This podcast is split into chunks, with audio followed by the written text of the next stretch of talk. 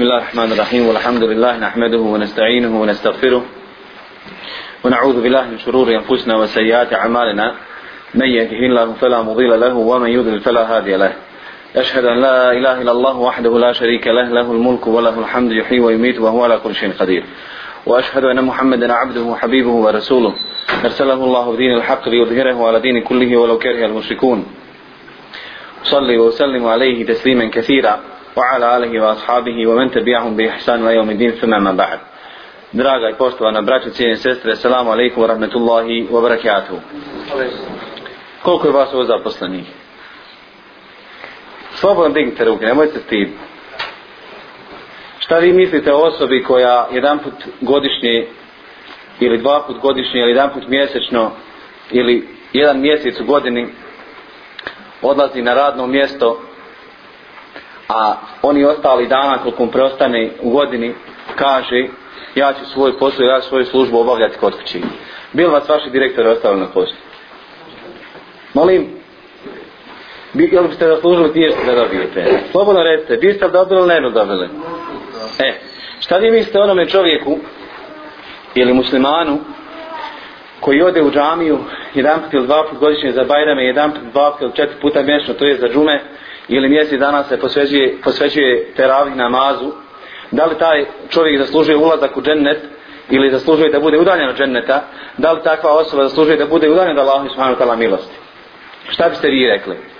A ujutru, kad saha zazvoni u sedam ili šest, ulice se ispune, automobili cviraju, autobus već zagrijani, zrak je pun dizela, zašto?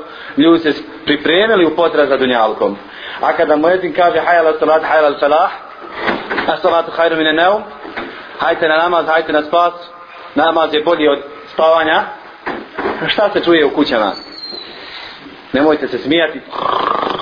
Samo hrkanje. Samo hrkanje. Dakle, ljudi su više se posvetili dunjaluku, nego što se posvetili Allahu i subhanahu wa ta'ala vjeri. S druge strane, obstruirajuće struje među muslimanskim masama ili oni koji obstruiraju muslimane da obavljaju namaz u kućama, mogu samo za sebi reći šta da su najveći zulumčar koji Allah subhanahu wa ta'ala iskušao da oni budu takozvani pripadnici ove vjere a u suštini sprečavaju da se ezan čuje za Allahom subhanahu wa ta'ala kuća i da se u Allahom subhanahu wa ta'ala e, kućama obavlja namaz da se Allah subhanahu wa ta'ala spominje nikakva ne postoji razlika između ova dva slučaja nikakva ne postoji razlika između ova dva slučaja dakle onoga koji žuri na posao i onoga koji hiti na namaz, osim što onaj ko žuri na, na posao dobiće nešto neznatno, možda neće li potrajati.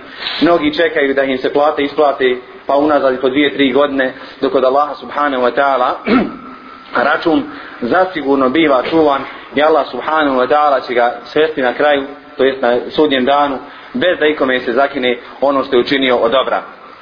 Allah subhanahu wa ta'ala kaže te ne ja'mel mitkale zarratin, hajren, jere, onaj ko bude učinio trun dobro, on će ga vidjeti. Međutim, kod vaših poslovođa, vaših poslodavaca, vaših gaza i tako dalje, ono što vi činite dobra, šta kažu? To ti obaveza i tako dalje. Neće da vam ništa ne reknu, da vam hoće dati na vašu platku makar. Druga stvar, sindikata vam odzme pola, e, zdravstveno osiguranje, pio, mio i tako dalje, odzme vam pola i vama na kraju ne ostane ništa kaj. Zbrin ćemo vas, zbrin ćemo vas kada vam bude 60 godina, a tad će vam samo trebati hođa za dženazu. Najprije, namaz je razlog ili namaz je uzrok kojim čovjek zaslužuje blagodat od Allaha subhanahu wa ta'ala. Dobra, dakle dobro od Allaha subhanahu wa ta'ala, nagradu i normalno na fakt. Na fakta je određena, na fakta je fiksna. Ali beričet se povećava ili smanjuje. Allah subhanahu wa ta'ala kaže fi bujuti nadina Allahu an turfa yudkira fiha asmuhu yusabihu lahu fiha bil ghudu wal asal. U Allahovim kućama Allah je dozvolio da se veliča i uzdiže, odnosno spominje njegovo ime, kada će se veličati, odnosno se veliča ujutru i najveći. Zatim Allah subhanahu wa ta'ala, plaho lijepo majetu za onoga koji ga pojma, kaže, Rijalun, la tulhihim tijaratun, uve la bejun, an zikri Allahi, uve kani salatu, uve taj zikat. Muškarci, koje neće odvratiti trgovina, niti prodaja, od spominjanja Allaha subhanahu wa ta'ala, obavljanja namaza, davanja zekijata muškarci. Oni koji obavljaju namaze u kućama, bez ikakvog opravdanog razloga, onima koji imaju džamija kraj kuće i onaj koji ne, ne, ne bi ostavio ni minute ni dvije da trveti u džamiju, da uzme ales da uđe u džamiju, jesu li oni muškarci ili su slični ženama? Jer od specifičnosti i posebnosti žena jeste da klanjaju svojim kućama. Ali Allah, poslanik se Allah, ali se nam kaže, nemojte Allahovim robkinja zabranjivati da idu u džamije. Međutim, ako klanjaju kućama, njihove namaz je ispravan i valjan i tako dalje. Sa muškarca je drugačiji slučaj. Od posebnosti ili specifičnosti muškaraca jeste klanjaju džamijama. Nešto kasnije ću govoriti o dokazima iz Kurana i Sunneta i stavova, odnosno govora ili mišljenja ili predaja da sahaba radi Allahu anhum. Ali glede tumačenja, odnosno tefsira ovog ajeta, kada Allah subhanahu wa ta'ala kaže Rijalun la tulhihim tijaratun la bejna zikrillah muškarci koje neće odvratiti trgovina, niti prodaja, od spomnjanja Allaha i tako da je obavljanja namaza i tako da. Šta to znači? Da onaj čovjek koji se nađe na radnom mjestu, u trenutku kada uči jezan i ne, ne pusti, dakle posluj ne odi na namaz, od njegovog posla nema baš ništa, naprotiv, njegov posao ili njegovo to dijelo koje čini u vrijeme namaza, odnosno obavlja u vrijeme namaza, bit će samo dokaz protiv njega. Jedan da kažem, prijatelj Bosne i Hercegovine, kaže, došli smo, kaže, kod mogu punca kuće, komšija je pravio kuću, odnosno komšija i kovinca pravi kuću. Zavočka je podneski jedan, komšinica kaže, puste sve, ništa nemojte, kaže, dirati. Oni majstor kaže, pokušaj mistrije, šta ste, kaže, piju, hladno, kaže, šta hoćete. Nemojte rad kad se šta, kad uči jedan, a hoćete popiti pivu, a neće reći, hajde hoćete više utiču tu Allahovom kuću, to je klanjati, hoćete klanjati tu barem ako niste za, za džamije, ako vam je odjeća prljava, to ne sliče.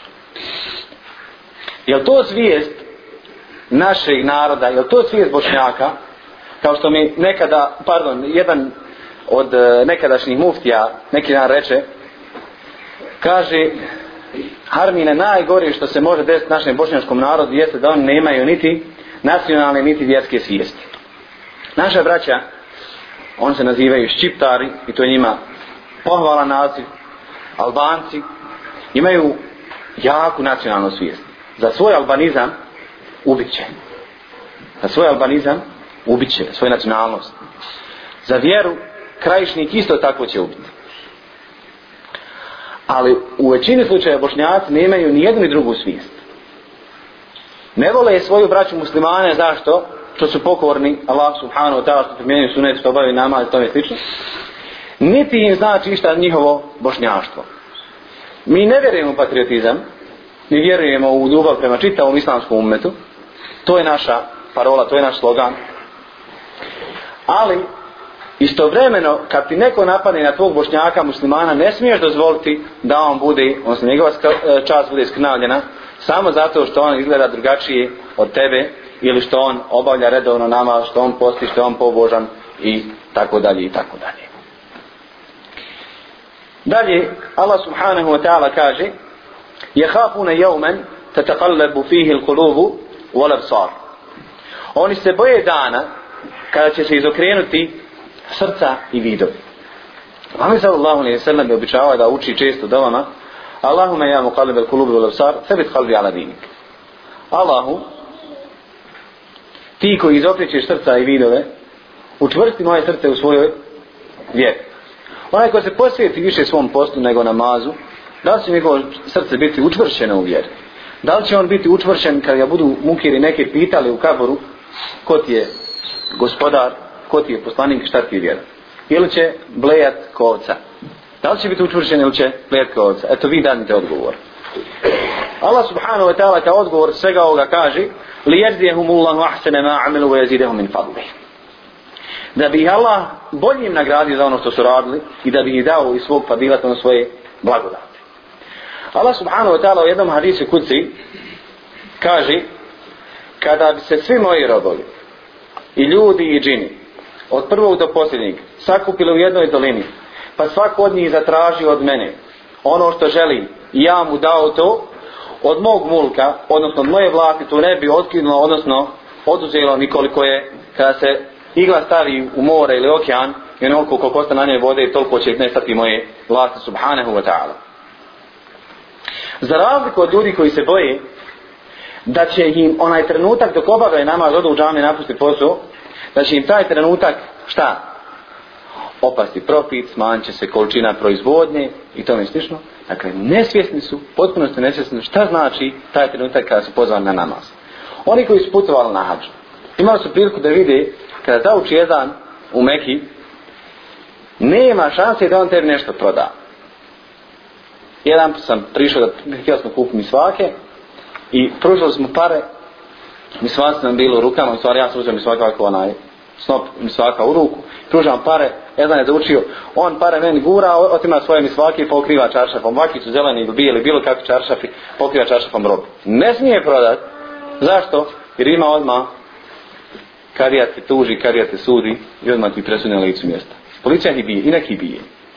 Neki ih bije. Kod nas, sasvim drugačiji slučaj. Pred Allahom smanu tela kućama kad se uči jezan, ima toliko oholnika koji se ne libe u jednom trenutku da pojačaju muzi, muziku u kafićima, ako su ti kafići na, u blizini mežida. Ako nema kafića i kafana, oni iznesu iz kuća stolove, pa serviraju jedan drugima piju i vesele se, odnosno, sam sebi okupavaju.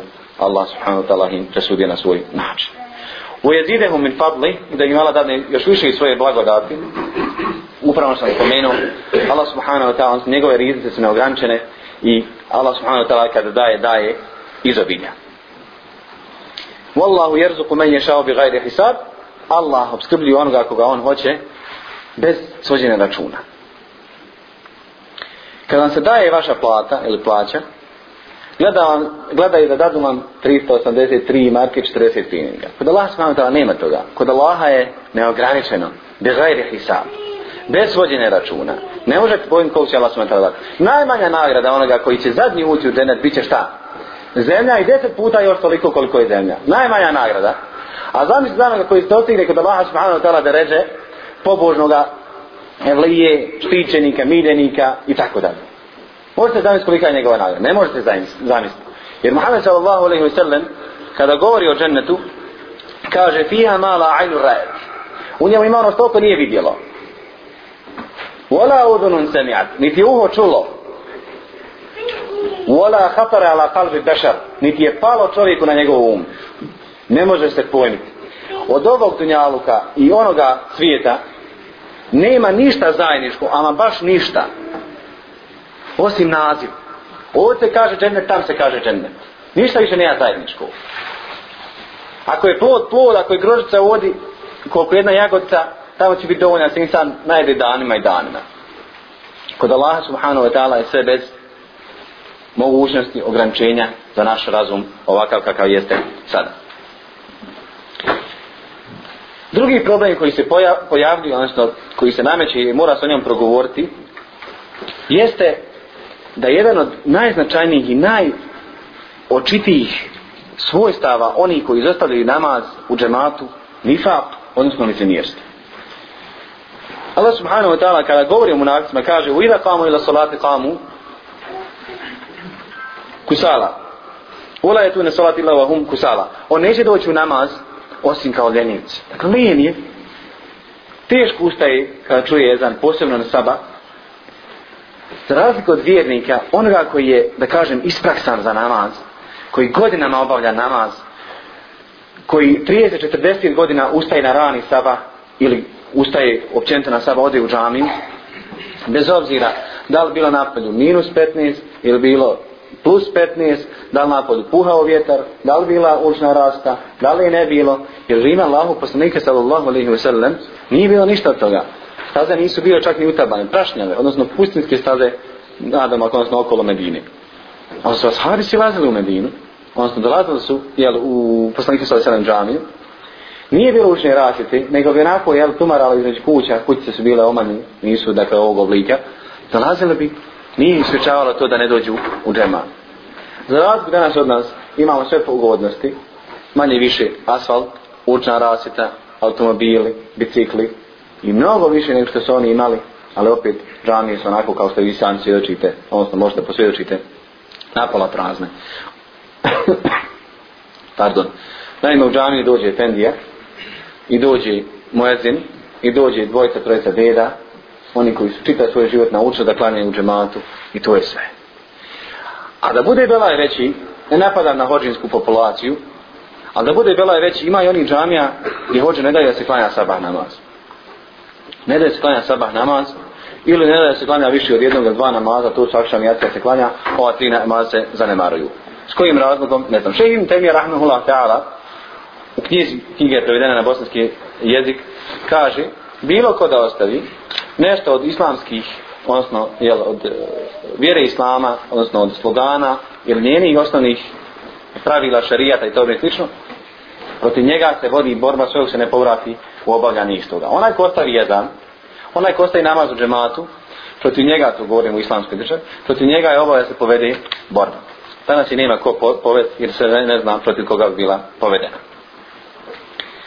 Allah subhanahu wa ta'ala dalje kaže, odnosno drugo ajet kaže: "Ida qamu ila salati qamu kusala yurauna an-nas." A kada bi ustali na namaz, ustali bi lijeno, da se samo pred ljudima pretvara. 95. kad sam prvi put otišao u Medinu, zaučio je ezan, čini se da je bio akšan, ali ja se znam da je bila noć, otvakli sa svih strana ljudi ulaze u poslaniku sa Lesana Džavije. Samo jedan mahneti tip ide u suprotnom pravcu. Između onoga broja od hiljada, od hiljada ljudi, on se primijeti. Vjerujte da odudara. A kod nas u Bosni i Hercegovini odudara onaj koji ide u džamiju. Pa kažu sa čuđenjem, on klanja. Raudu bila. Kaka je to rečenica on klanja? Ovaj treba da postoje sve pitanje, a vidi ja ne klanja. A vidi gdje sam ja. Aj što ne idem u džamiju i ne klanjam nikako.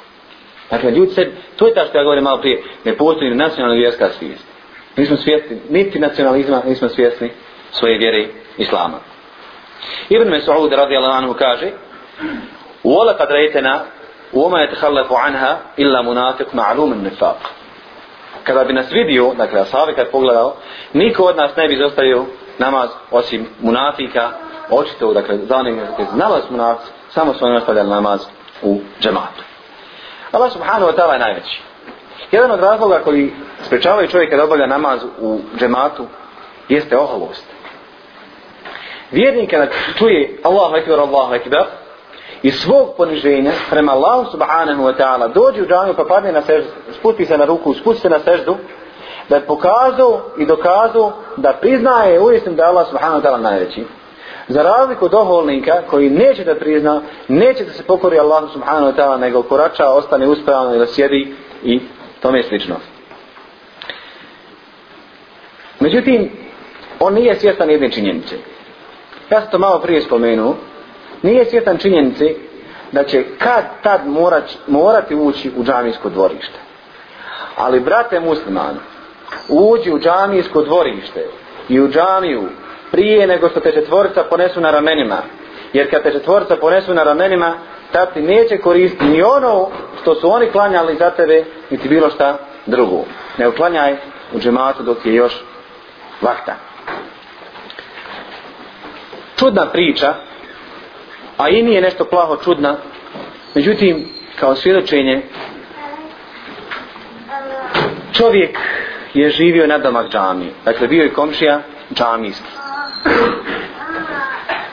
Kaj god bi čuo ezan, začepljao buši.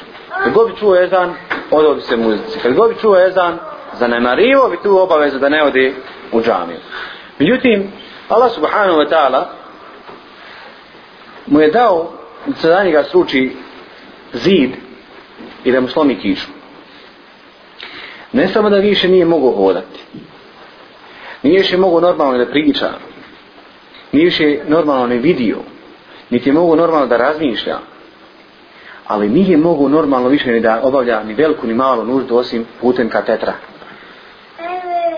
Jedan od njegovih posjetilaca on dolazi i kaže eto ono što si bio, bio, ponosio se snagom, inače bio hamal, nosio bi ljudima, jel, e, stvari, tako dalje, prenosio bi stvari, od toga živio, zanemarivo, kaže, namaz. Eto, kaže, kad sad to doživio, ono što, što je bilo, bilo je, imaš li kakvu želju? Kaže, jednu jedinu, da ustanem i odem u džami u džemat. Ali kasno. Al ane, kako Allah subhanahu wa ta'ala o faraonu kaže, al ane, zar sada, odnosno kasno je sada, nema više vakta. Ono što ti iskoristio od svog zdravlja, trebao si ga iskoristiti kada si ga imao. Ono što si iskoristio od svoje mladosti, trebao si iskoristiti kada si imao.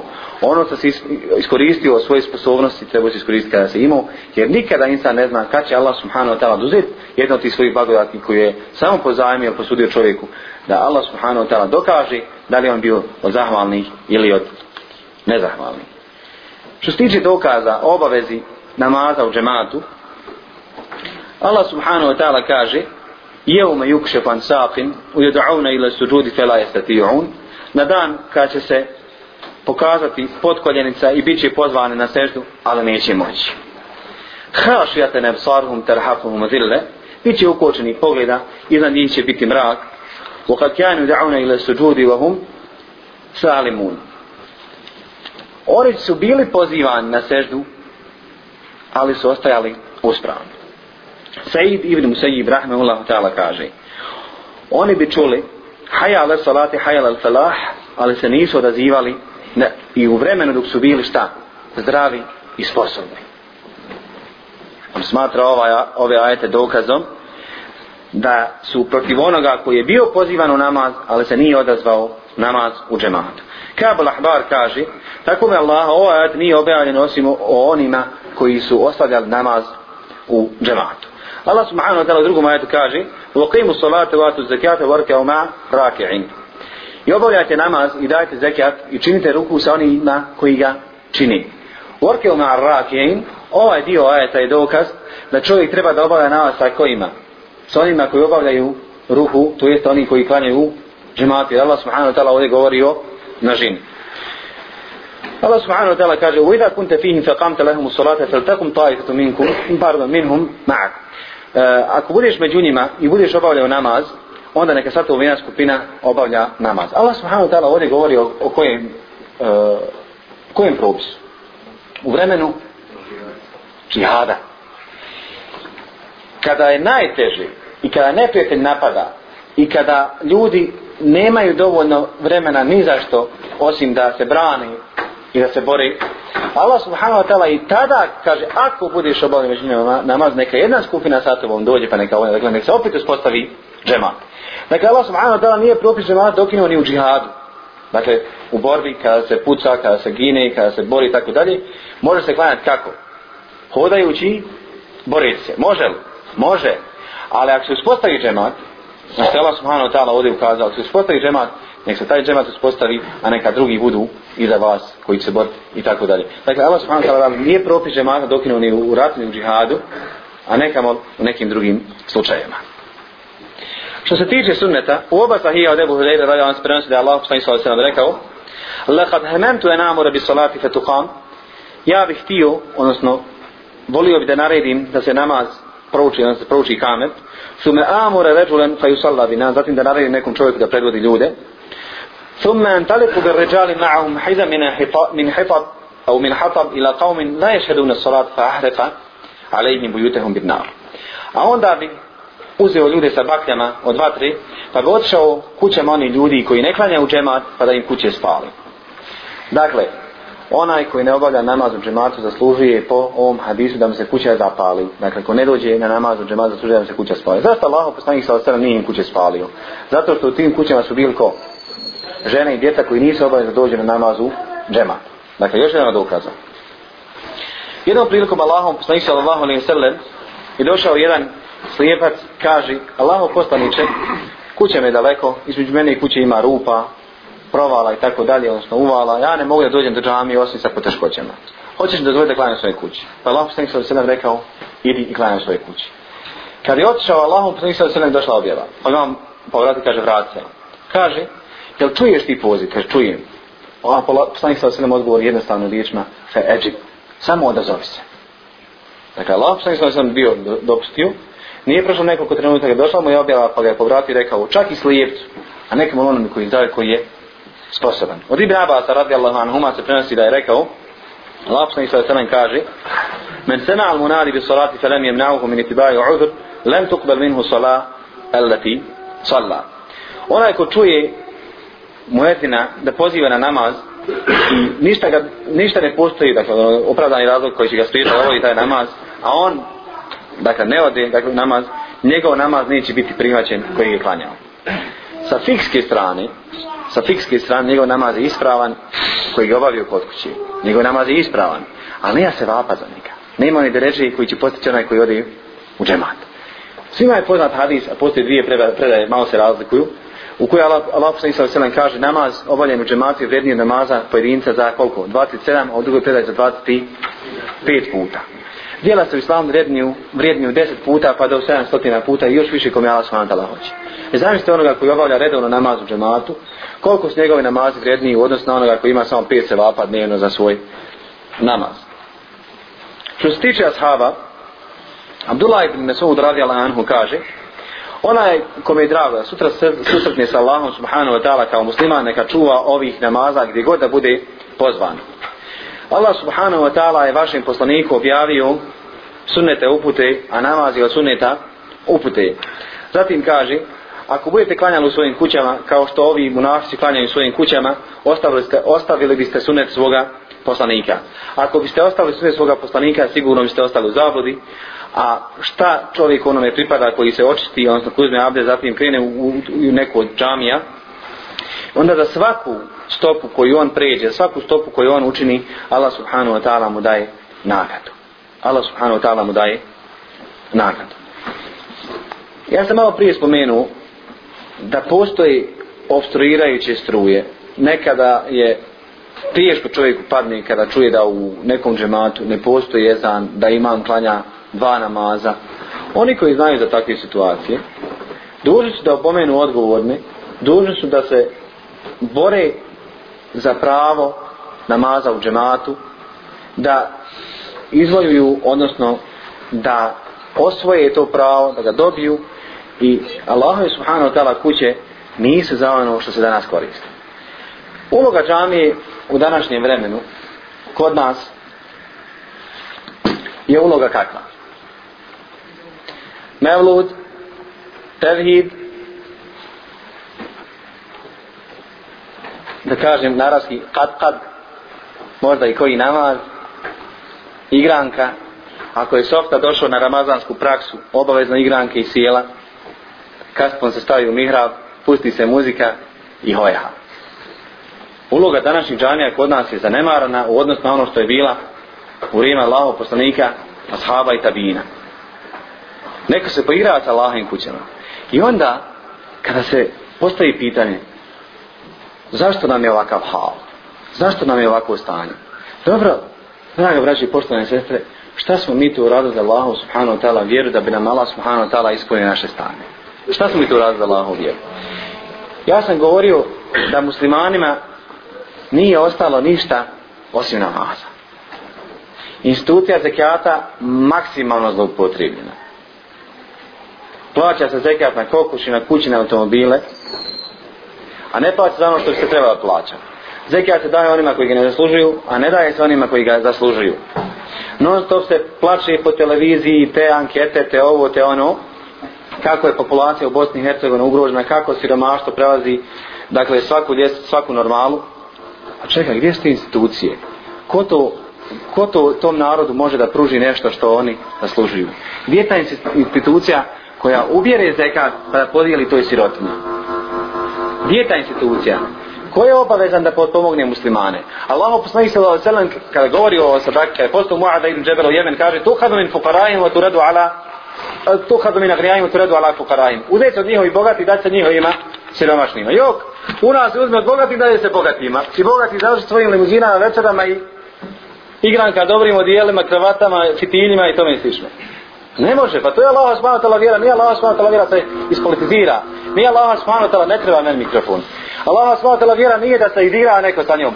Nije Allah subhanahu wa ta'ala vjera privatno vlasništvo. Nije Allah subhanahu wa ta'ala vjera, odnosno nisu Allah subhanahu wa ta'ala kuće privatno vlasništvo. Vakuf je vakuf. Džamija je vakuf. Vakuf u arapskom jeziku znači nešto za ustav tu ima Allah subhanahu wa ta'ala u odnosu na lično koristenje. Ako sam ja poklonio komad zemlje kao ovakvu, znači dao sam svim muslimanima se koristi. Nije to moje što sam ja drno FRF i tako dalje. Ne pripada to meni. Ja mogu biti samo službeni, ali nekome i to danas ne paše. A mi kao mase, mi kao generacija, generacija oni koji, dakle, doživljavaju možda što oni prije nas nisu imali priliku da dožive. Mi to samo nijemo, gledamo i eto šta se zbiva, eto šta ćemo, eto mi ne možemo ništa. Ja molim Allaha subhanahu wa ta'ala da očisti naša srca da budu samo iskrena, odnosno i bajati iskrena da Allaha subhanahu wa ta'ala. Da podari Allah subhanahu wa ta'ala uspjeh onome koji zagovara istinu. Da Allah subhanahu wa ta'ala naše džanije ispuni na svakom namazu više nego što mogu nevjernici zamisliti. Jedan francuski filozof, mislilac, kaže najteže mi je kada vidim muslimane u namazu u džematu što ja nisam musliman. Kaže ono što kaže u meni probudi kada ja vidim kada je snagu islama u namazu. Jedan, također zapadnjak, prebacio je kanale na satelitskoj anteni i naletio je na saudijsku televiziju, satelitsku saudijsku televiziju. Muslima učio se i kame za šta? Za namaz. I on je gledao prizor tavaf. Uči se i kame za far, odmah se safov uspostaži. Kaže on, ovo je nemoguće onakav nered, ona brzina, da se kaže nešto, on tam progovorili, on se kaj poredaše. Jedan kaže nešto reče, on svi za njim zajedno. A bio je šta? E, vojno lice. Kaže, ovo u vojce ne može postići. Raspitivo se da vidi o čemu se radi, pa smo rekli, to su muslimani, to je vrijeme namaza i to je bio razlog da on primi islam. Samo to što je vidio kako se muslimani safaju safove. A danas nekome paše da se muslimani rasafavaju, da se razvijaju muslimanski safovi, da se naša srca razjedine, da se muslimani Bosne i Hercegovine šire mrze, da li to što neko ima veću bradu, neko kraću, neko što ima nikad, neko što ga nema i tako dalje, neko zlopotrebljava muslimane samo da bi ih zavadio jedne, zavadio jedne protiv drugi. Kod njih vlada ono pravilo, a mi ga ne smijemo nikad podržati, zavadi pa vlada. Ja nisam političan, nisam analitičar politički, ali evo vidite šta se desilo sa starom Jugoslavijom. Koliko Jugoslavije ostala država? Još nije se zaustali kod toga hoće da podijeli Srbiju, meni nije žao Srbiju, hoće da podijeli Srbiju na još dva dijela. Hoće da se odvoji Kosovo. Pa dok će biti odvajanje? Pa hoće Republika okupirana se odvoji od Bosne i Hercegovine. Dok će biti odvajanje? Dakle, nekom paši da se non stop ljudi razdvajaju, e to je ono zavadi pa vlada. E tako i danas među muslimanima. Neko samo baca kosku među dva psa, da bi znači se ono te koske posvađa da se potugla, da se poklali. Nemojte dozvoliti da neko zlopotrebljava vas kao muslimane. Nemojte dozvoliti da neko manipuliše vašim razumom. Nemojte dozvoliti da vam neko uzima vaša osnovna vjerska prava. Nemojte dozvoliti da vi budete masa onih koji će biti nijemi u društvu. Nego dignite svoj glas protiv nepravde. Ali ne, ovo ne mora znači da vas ja pozivam na hurud, odnosno da budete od onih koji su spadaju među Haridžije. Nego naprotiv, ja samo kažem, budite od onih koji se na pravom putu, molim Allah subhanahu wa ta'ala da ujedini naša srca i da nas svoji u svojim širokim prostornim baščama dženneta. Wa sallahu ala sinna wa nabina Muhammeda wa ala ala Muhammeda.